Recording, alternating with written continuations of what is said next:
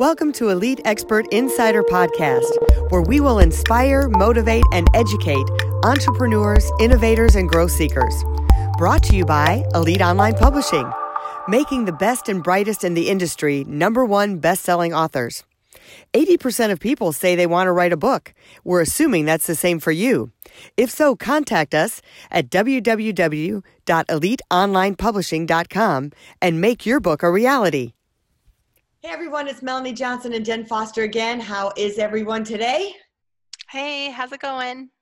Good. So Jen and I are doing this series. We went to SellerCon, which is all about how to sell on Amazon plus amazing business knowledge. So we are doing a series of podcasts of people that we talk to and listen to there. Sara Blakely being one. She was the co-founder the founder of Spandex, creator and founder of Spandex, and she was amazing. So we're going to tell you everything we learned from Sara Sara Blakely at this conference.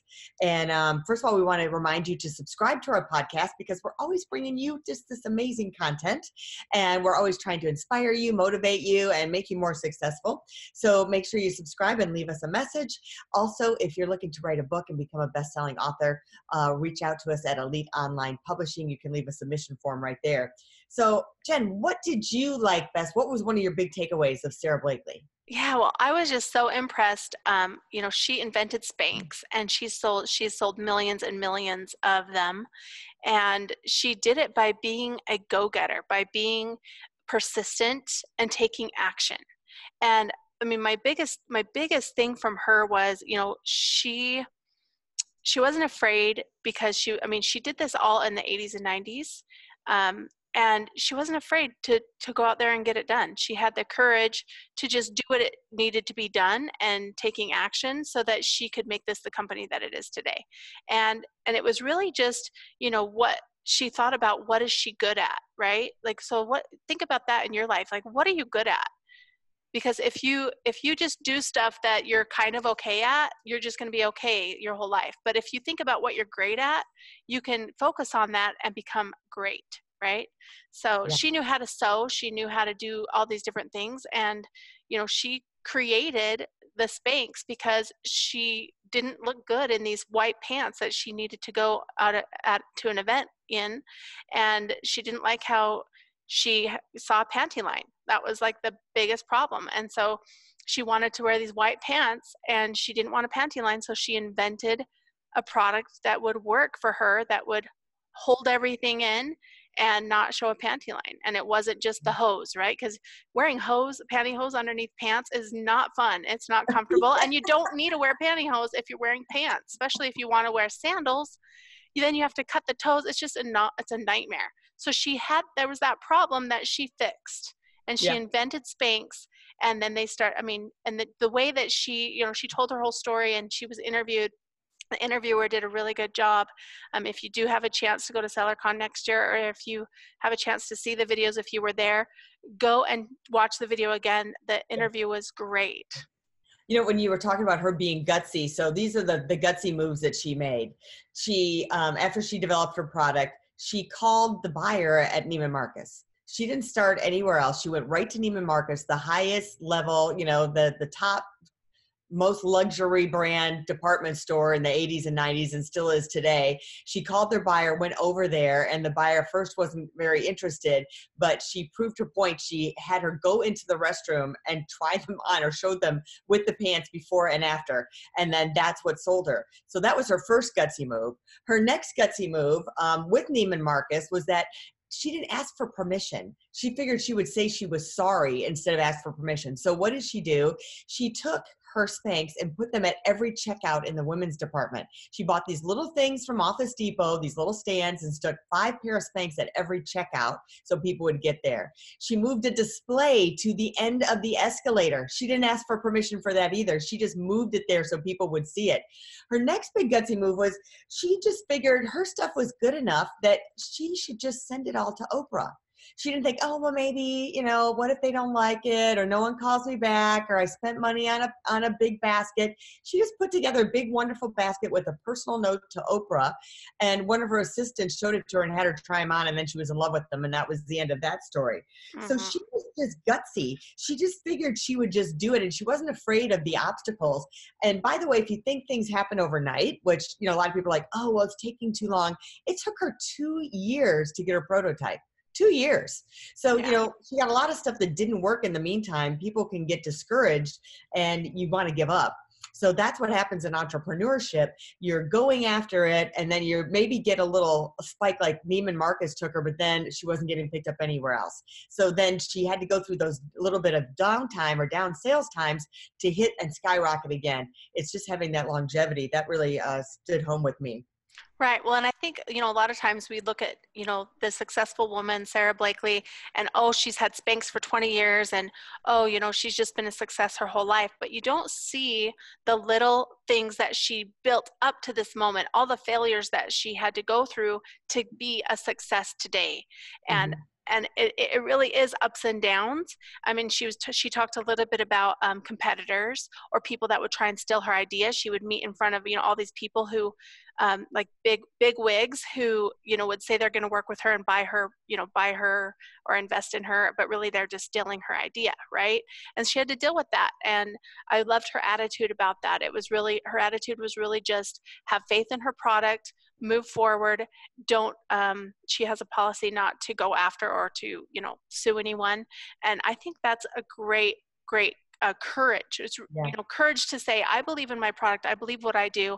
And she said that her competitors you know after a couple years would fall off anyway. So she's still the number one um, in her industry for i mean spanx yeah. everywhere so she was saying about packaging. So she looked at her competition, which I think was smart of how they were packaged. And at the time, if you were from, if anyone knows that era, um, you know, pantyhose was white or maybe it was black but most the packaging so the packaging mostly white beige some black so she did hers in red so it totally stood out it made hers different so i think that was really important mm-hmm. the thing when you're selling something is st- start with the story. So lead with story. That's what people captures their attention. And Jen and I teach this all the time because, of course, we're in the book publishing business and we're saying tell your story, lead with a story. Each chapter of your book should start out with a story or a story of transformation. That's what captures people' attention and connects them to you. And she said you should always start with the problem and then move to the solution. Let them mm-hmm. know, hey, do you relate to this problem? Start that way. And then one thing, I don't know, Jen, do you have notes on hire your weakness there? Um, I, I, yes, I, I just have that, you know, she talked about hiring your weakness and, and that's because you don't want to hire people that, that are like you. You don't want to hire people that have the same personality as you. So whatever you're not good at, whatever mm-hmm. you are you know that comes back to the what what are you what are you good at? What is the thing that you're an expert at? What are you not good at? And yeah. hire those people who are good at that. If you're not an organizer if you're not then hire someone who is. If you are if you're an action taker um, and you you know you know you like to get things done but you but you also need somebody that can help you to execute as well. So you've got to hire your weakness yeah. for sure yeah. And she, she was saying what she did was she said, you know, you have to know what your lanes are. So there's different lanes, right? So in every business, there's a different different hats or different lanes. And if you go out of your lane to put on another hat like say for her it was like with shipping and the back end office she wasn't good at that so she hired that out if she would have switched lanes she wouldn't be the success she is today so she had to stay in her own lane so you got to think about that and outsource where you can Yep. And know um, why you're different. What makes you different? And she said the biggest thing is keeping in mind not the money, but how to serve your customer. What's the best way to serve your com- your customer and the purpose behind it. So mm-hmm. when you care the most, then that's when you're going to win. Your company's going to win. Your service is going to win because you care the most. Mm-hmm. Yeah. yeah. she also said to think, have your purpose in mind, like always keep your purpose. So, I mean, we talk about why all the time, but you really have to think about, you know, what is my purpose and keeping focused on that purpose so you don't deviate from your big yeah. why or from your big purpose. Yeah. And she said, you know, not mistake, don't mistake it. It's hard work it's a lot of hard work so if you're mm-hmm. not in for the hard work and you just want it easy, it's not going to happen. And um, the mindset thing is so important. I mean, every conference Jen and I go to, they always talk about mindset and having that positive self-talk. And I remember for a while I was like, oh, I'm just so tired of hearing about mindset. You know, it's like, ah, can we just get to like how I'm going to make this thing work? But it's so true because then you catch yourself where you're having a crummy day and then you're not doing what you need to do because your head's not in the game. Or and actually, I've run across people that their head is just not in the game, and you can't be productive if your head's not in the right space and in uh, in the game of where you need to be. Right. Yeah. Yep. But overall, she was an excellent uh, interview, and it really made me want to go and learn more about her and her story. And and I and I wanted to go buy Spanx after I was done when she was done with her interview. I wanted to get she she started men's underwear. I'm like, okay, I'm buying everyone Spanx men's underwear because I have a bunch of men in my life, my boys, my brothers, my nephews. You know, so I'm like, okay. Yeah. Well, that was it for Sara Blakely. We really got a lot out of that. I hope you got a lot out of it too. Um, we'll have a few more interviews for you for SellerCon. And uh, that's it for now. This is Melanie Johnson and Jen Foster checking out. Remember to subscribe. If you'd like to create the most powerful advertising tool for your business, contact us at eliteonlinepublishing.com, where we will help you create, publish, and make your book a number one bestseller and show you how to get new leads and more revenue for your business. If you'd like to check us out on our Facebook page, we have a free book for you as our gift. Just go and click free book. Remember to subscribe and leave a comment for our podcast. We would love to hear from you.